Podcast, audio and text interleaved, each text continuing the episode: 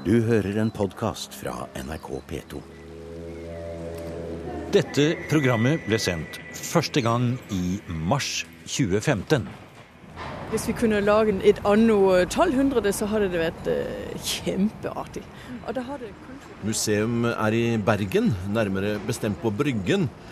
Og det anno som arkeolog Gitte Hansen eh, snakker om, er den populære realityserien i NRK som blir spilt inn bare et stenkast unna her vi står nå.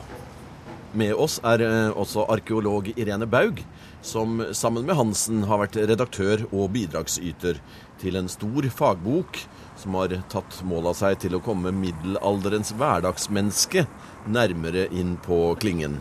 Everyday products in the middle ages, crafts and consumption and the individual in northern Europe. Du, det var langt. Dere må forklare, gi den boka en norsk tittel. Ja, altså det, det, handler om eh, På en måte så handler det om hverdagsprodukter i middelalderen. Fordi hverdagsprodukter det er sånne ting som vi arkeologer vi studerer. Men i denne boken så tar vi skrittet bak om tingene. Og prøver å finne menneskene som enten laget tingene, eller forbrukte tingene, eller handlet med tingene. Og da går vi helt fra, fra hva skal man si, råmaterialer blir utvunnet i utmark, til de blir øh, gjort om til produkter, ja. til de blir handlet med, til de blir kjøpt, til de blir brukt, og til de blir hevet. Og da, da er det menneskene langs denne kjeden av hendelser som, som, vi er interessert i. Så det, det, er egentlig først når vi kommer et godt stykke ut i tittelen at øh, vi snakker om uh, the individual. Akkurat. Ja, Og det er jo kanskje litt dumt. så, så, dere har jo invitert mange forskere i Europa til å være med. Kan du si noe om det, hvem de andre er? Det er forskere fra 20 eh, forskjellige land som har bidratt. Og eh, det er forskere som gjerne jobber med en bestemt gjenstandskategori, har gjort det, men som kanskje ikke har fokusert på mennesker før.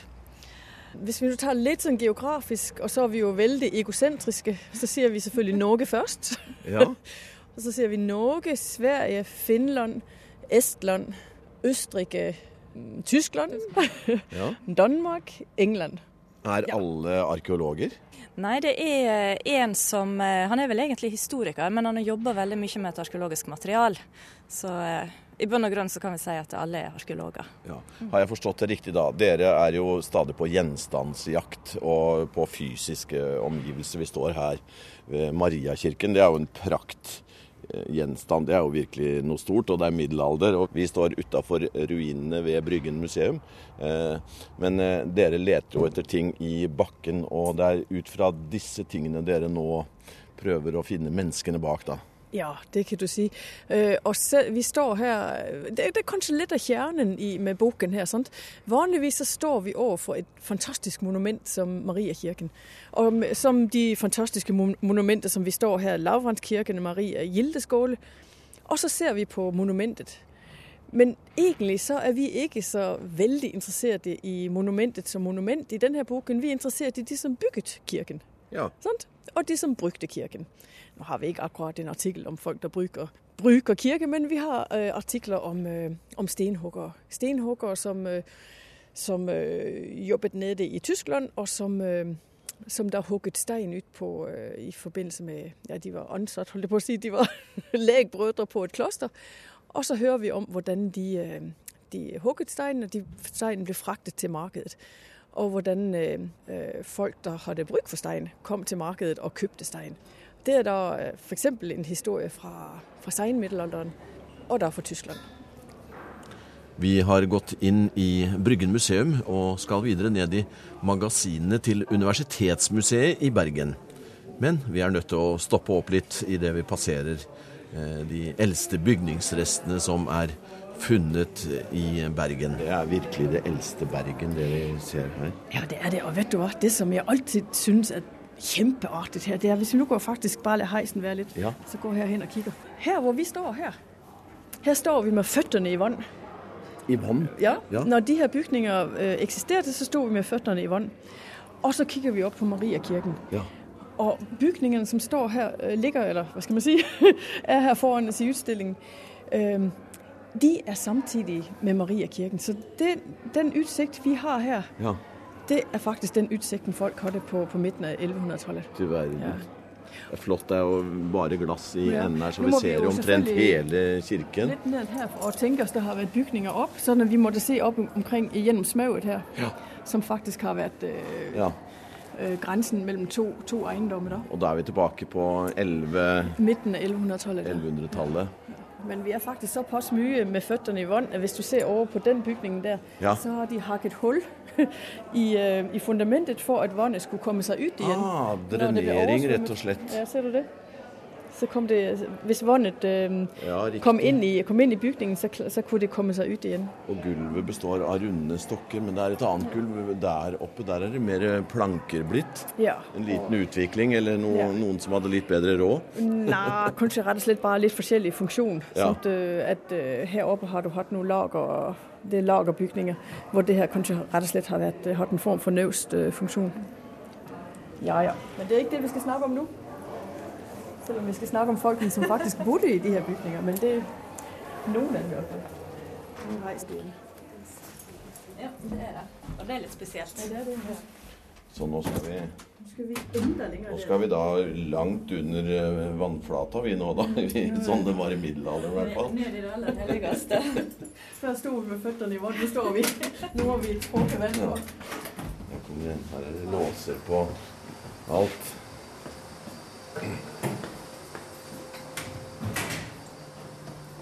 Så. Så må vi jo fortelle at selv om vi er i Bryggens museum, så er vi nå på vei inn i Universitetsmuseet sine, sine arkivrom. Og mag Ja. Magasin og arkiv. Funnmottak. Funnmottaket står det her. Så her kommer alle funn som kommer inn fra arkeologiske utgravninger. Og så er det her vi jobber med funnene. Og da går det ganske ryddig. Ja, men her begynner det å bli litt sånn forskningsmessig, føler jeg. Her er det bord, og her er det lamper, og det er eh, Her har vi eh, Her er det esker. Her er det, er det klebersten. Eller Jo, det er faktisk riktig. Det er klebersten som, eh, med lite grann sånne huggemerker, og som ble funnet borte på Bergenhus bare siste uke. Å ja. For Norsk institutt for kulturminneforskning de leverer deres funn her. Så der har vi, så kommer de til Universitetsmuseet, og så blir de til- tilgjengelig for forskning etter hvert. Ja. Også Det her er eller som boka har, som er skrevet om i boka. ja. Her er det sko, og her er det småting som jeg ikke vet hva er. Det er sånne sko som de her skomakere som vi skriver om. Det har ikke de sett så lager, flott som- ut. Det er- er jo designsko, jo. Ja, men det, det er det. De her skoene de øh, er ikke bare flotte sådan, øh, i modell, men der er faktisk også de er brodert med silkebroderi. Har du sett? Du ser rød og gul silke i, i ganske sånne tøffe sikksakk-mønstre. Jeg må bare spørre, dere har brukt det, de stedene dere har arbeida som, som forskere i denne boka, Ja. og disse gjenstandene? Ja, eh, det jeg skriver om i boka, er aspekt som jeg skrev om i doktoravhandlinga mi Ja. ved Universitetet i Bergen. Så dette er velkjente ting. Det er velkjente ting, og så ser en det gjerne på en litt ny måte. En eh, prøver som sagt å få tak i mennesker. bak. Du, den esken her, der var det mye små artige ting da. Ja, det er forskjellige ting av bein. Eh, her har vi en eh, islegg som de brukte til å gå på skøyter med.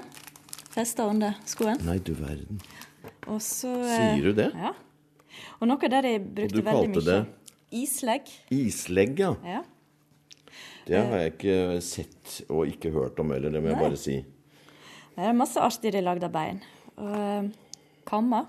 Det er vel kanskje noe av det vanligste. og Noe av det som en har veldig masse av fra middelalderens Bergen.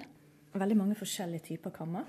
Og så har vi faktisk øh, hvalbein. En spillebrikke som er laget av hvalbein. Men merker den er ganske sånn tung. Og så enda, enda kanskje en spillebrikke av hvalbein. En spillebrikke, da skjønner vi, da har de hatt det litt hyggelig, da. Gjør det? Ja, det har ikke Det har ikke bare vært slit og Nei, ikke bare elendighet. Silkebroderte sko og og spillebrikker. Ja. Nei da, det har vært øh, Og, ja, og is, øh, altså skøyter. En islegg. Altså, I dag vil vi kalle det en skøyte. sant? Altså isskøyte. Du ser den helt sånn blankpolert, for den har vært ja, brukt. og da snakker vi om hvor langt tilbake. Nei, vi snakker øh, fra 1100-tallet og, og frem i tid. på det her materiale, fordi her i Bergen så har vi øh, altså det, akkurat det konkrete vi ser her, det er fra Bergen. Ja. Funnet uh, i, ja, i undergrunnen i Bergen. Og der er vi fra 1100-tallet og opp til i dag. Museum er i Bergen, sammen med arkeologene førsteamanuensis Gitte Hansen ved Universitetsmuseet i Bergen og postdoktor Irene Baug ved Institutt for arkeologi, historie, kultur og religionsvitenskap. De to er medforfattere og redaktører for en fagbok om hverdagsmennesket i middelalderen, sett gjennom arkeologiske gjenstander. De har utfordret et tyvetalls kolleger i Nord-Europa om å stille nye spørsmål ved de gjenstandene de arbeider med. Gitte Hansen har f.eks. arbeidet mye med kammer. Selvfølgelig er det en del av vårt forskningsmateriale. Vi har selvfølgelig skrevet om det som ligger oss mest på hjertet. da. Øh, og jeg har skrevet om kammaker, skomaker og håndverker som jobbet med, finmetall. Håndverker som rett og slett laget sånne småting som man i dag kaller altså sånn Går man ned på innkjøpssenteret og kjøper seg noen accessories, så, så er det akkurat det som mine håndverkere de, de har jobbet med. Ja. Og det som du ser her, det er faktisk øh, Vi har øh, tre kammer. Vi har en kjempeflott øh, hår. Det her det er faktisk en hårnål. En ganske lang, sånn, kanskje en 15 cm lang øh, beinnål med et flott, øh, flott mønster oppe på ovnen. Og det er bein, ja. Ja, det er bein. Det her. Og så øh, tenker jeg at enten har det her vært en nål man satte i drakten. Sånn hvis du skulle holde for eksempel, Du hadde en kappe du tok omkring sånn, ja. og så tok du nålen gjennom to Ja. fliker på kappen. Enten det, eller også tenker jeg at de har hatt sånn øh, litt langt hår, liksom meg. Ja, Og så har de brukt det sånn som man ser på sånne japanske damer. ja, med- ja riktig. Faktisk, så, faktisk så vet vi ikke hvordan de her nålene er brukt. Nei. For når vi kommer opp i middelalder, så er det jo litt sånn øh, et problem at folk blir ikke lenger begravet med deres klær på og med utstyr. Folk får en kristen begravelse hvor de ikke skal ha noe med seg i graven. Sånn at øh, det materialet, de, de tingene vi ser her, vet vi ikke presis øh, Altså Vi vet hvordan de har brukt. En kam er brukt til å greie hår, og man snakker ofte titt om, om lysekam og sånt. Men hvis vi nå kunne tenke oss å vite litt om om man hadde det i en pung, eller man hang det i beltet, eller omkring halsen, eller, Ja. eller om den her øh, flotte nålen har sittet i håret eller i kappen, så vet vi faktisk ikke. Fordi, fordi vi ikke har øh, noen funn som kan fortelle oss om det. Og de tingene vi har her, de er fra 1100-tallet, og da har vi faktisk ikke noen sånn billedfremstillinger av vanlige folk heller. Nei. Sånn så de vanlige folk og deres øh, måte å bruke ja, de her accessories, de her småtingene, vet vi egentlig ikke så veldig mye om. Men har dere kommet noe nærmere nå, da? Det er jo det dere skulle finne ut av. Ja. Øh, nå kan man si for det første så øh, med de her håndverkere, så det som vi kan se, det er at de har laget kammer for eksempel til, til alle lag av samfunnet. Øh, alle, altså både de som var ganske rike og de som var sånn midt på treet. Ja. Og faktisk så har jeg tatt frem tre kammer her som viser samme kam, men i tre forskjellige øh, hva skal man si, Utgaver. utgaver. Eller kvaliteter. Ja. øh, Det er flotte ting, Ja, da, det må jeg si når vi ser disse kammene her. Det er jo like tett mellom eh, tennene i, i kammen her som i våre dagers. Ja, det er skikkelig Altså, lysen har, har ligget tynt an med de her kammene. Ja. Men hvis vi ser på den minste kammen, sånt, så, øh, ja, så for det første er den holdt så stor som den største. Og der, den er ikke så, øh, så forseggjort. Altså, I den største kammen så er det sånne utskjæringer, og bak de utskjæringer har det vært øh, øh, et metall som, Ja, som glimtet som gull. Oi. Så man kunne se gjennom de der øh, utskjæringer. Det var ikke gull, det var messing, men det så ut som gull. Sånt. Og det var det som var meningen, det skulle se ut som gull. I den mellemste kam så er den øh, ikke så veldig stor, men den har de der utskjæringer. Ja. Jeg tenker det er tre forskjellige kammer som, som, som har vært myntet på tre forskjellige grupper av mennesker som har, Ja. har litt forskjellige kjøpekrafter. Og det, det er litt artig. at øh, Det betyr da at, øh, at håndverkerne egentlig ikke har kjent de har ikke kjent de menneskene som de solgte deres produkter til. Og Tidligere har vi tenkt at håndverkerne kanskje var sånne øh, trælle, at de var, hadde en form for ufri status og bare produserte for, for, for en herre. Ja. Men i det her materialet så ser vi at, øh, at kammermakerne har kunnet lage ting til, til folk flest, og de har kunnet sælge til folk flest. Også, vi ser også f.eks. at den her nøkkelen her, som jo er veldig tøff, Ja. øh, den er egentlig av jern. Og så har den sånn øh, øh, en, et gullaktig metalltråd omkring. Det er Ja. heller ikke gull, altså, men, men en form for messing. En kopperlegering. Akkurat. Og den her type nøkkel, den finner vi i hele øh, Østersøområdet. Og vi finner den helt opp til Grønland. Og det betyr da at folk har hatt, øh, vært opptatt av, mote, de har hatt akkurat samme øh, uttrykk. Men det betyr også at, at de som har laget kammene, nok har, øh, har reist rundt. Ikke fra Grønland til, til Polen, altså, men at de har reist rundt i Norge f.eks. Og laget, laget sånne nøkler som de her, og solgt dem til dem som, som hadde bruk for en sånn nøkkel. da.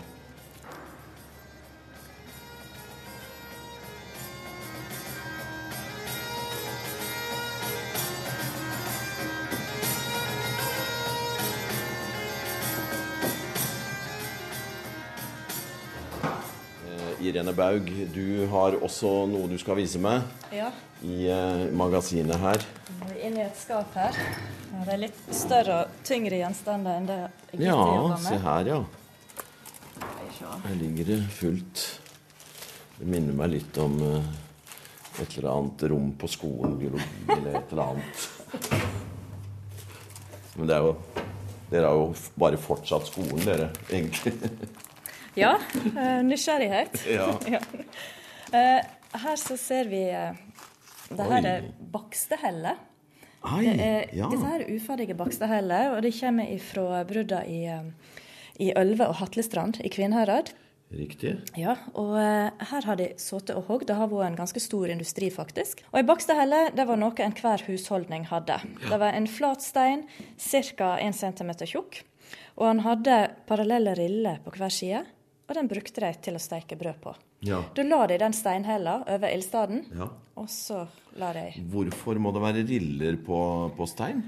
Eh, Litt usikker, men det vi ser det er at de bakstehellene som har ei glatt side og ei side med rille, så er det alltid sida med rille de har stekt på.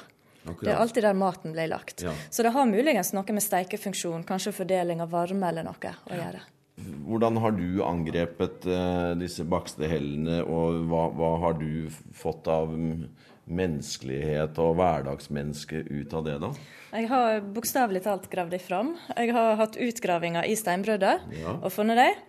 Og jeg har fått datert det og funnet ut at brudda har vært i drift i hele middelalderen.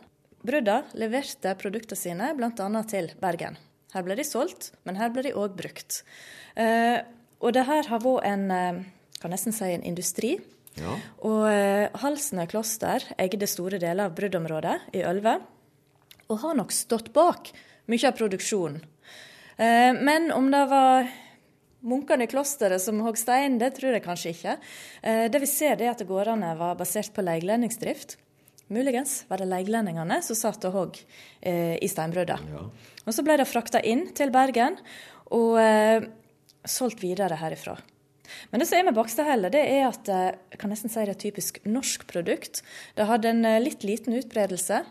Eh, Du finner det bare bitte litt i Sverige og Danmark. Ikke noe stor handel der. Men så finner du det litt i eh, Vesterhavsøyene, Island, Shetland og Færøyene. Så der har vi eksportert stein ut. Men den har nok vært tett knytt til matkultur. Og at matkulturen nok har vært avgjørende for hva område som brukte bakstehelle. Akkurat, men hvorfor, hvor, hvorfor finner vi det ikke enda flere steder, da? Er det, er det fordi vi har mye stein, eller har- hadde grunnlag for å kunne ha en sånn industri? Ja, vi har masse stein, men eh, det kan rett og slett være at de har hatt andre måter å f.eks. steike brød på.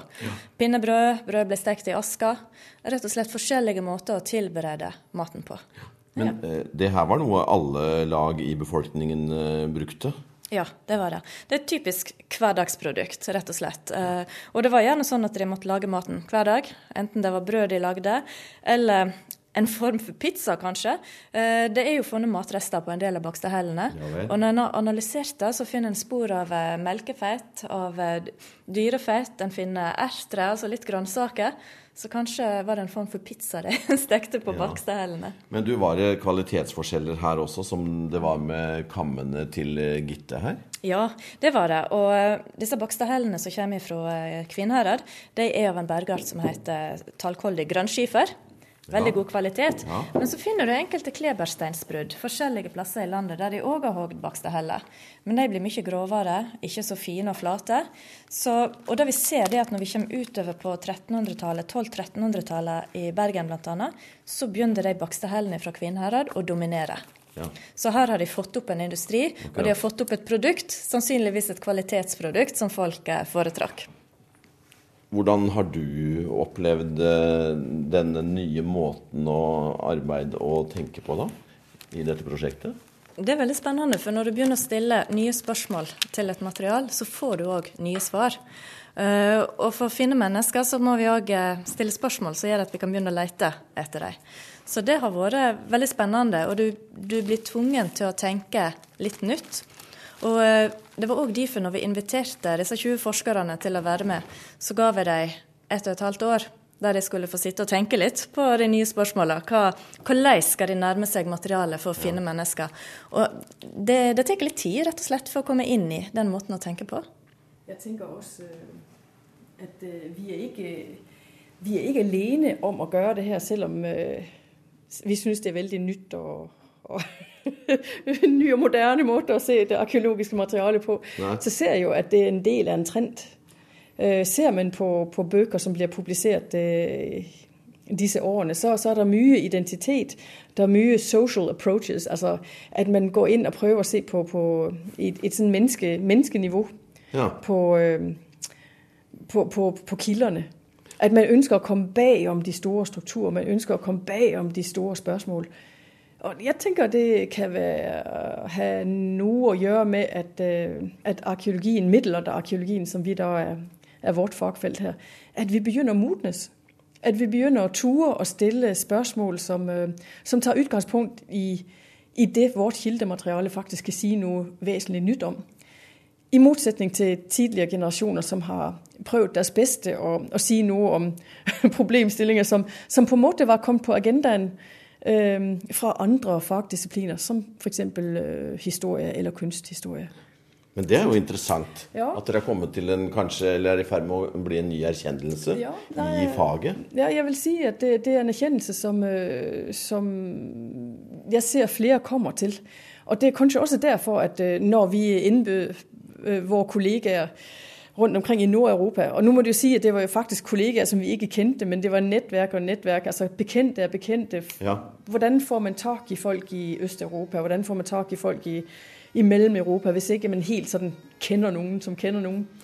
Uh, man kan si at, at, det var ikke sånn at de kjente oss veldig personlig. Eller, men likevel så, så, tente de på ideen om å gå inn og prøve å komme bakom, bakom kildene og prøve å komme frem til, til, til, menneskene. Og det tenker jeg, Da er det en del av en trend. Der er noe som, øh, som, øh, på en måte Det var en liten sånn gnist som, som ble tent rundt omkring hos folk. Sa ja, det, det har vi lyst til å være med til. for det har vi også tenkt på. Det kunne være, det kunne være gøy. Men nei, var det vanskelig.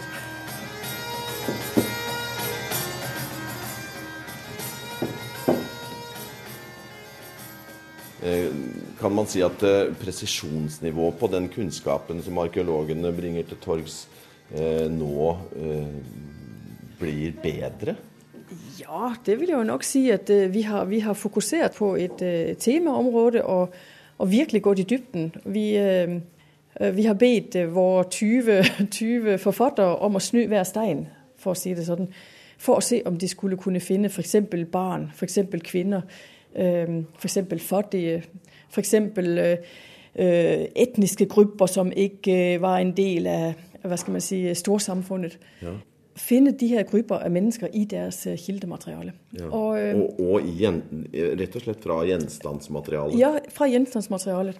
Og det er så konkret som å finne, finne små barne, barnefingre på et stykke leire som viser at barn også har vært med til å lage, mm. lage keramikk. Mm. Det går som å, til å, å se om, om hvem, hva var den etniske bakgrunnen for, for smedene i Nord-Norge. Øh, det går til å se på om hvordan øh, forbrukerne av, av flotte, øl, flotte ølklær i Estland, øh, at de forbrukerne viste at de var tyske i en estisk kontekst. altså i en estisk by, sånn, så, så kledde tyskerne seg på, på en annen måte enn en resten av befolkningen. Sånn, og, eller man skal si, Hvis man ikke stiller spørsmål, får man heller ikke svar. Vi, har ikke, vi arkeologer har ikke vært så vant til å stille denne type spørsmål. Iallfall ikke middelalderarkeologene.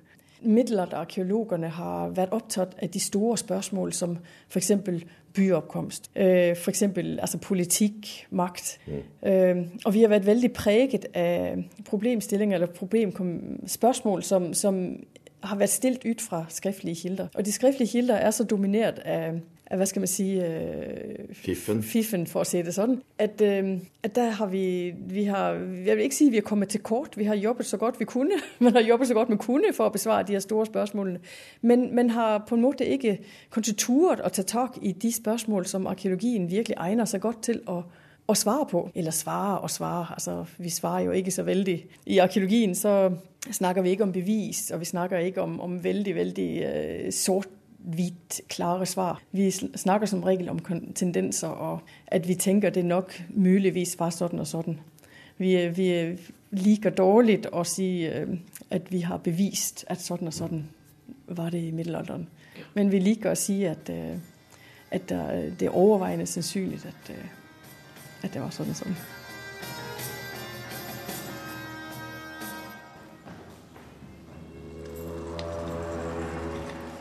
Har hørt en podkast fra NRK P2. Send gjerne en e-post til museum.krøllalfa.nrk.no. nrk.no.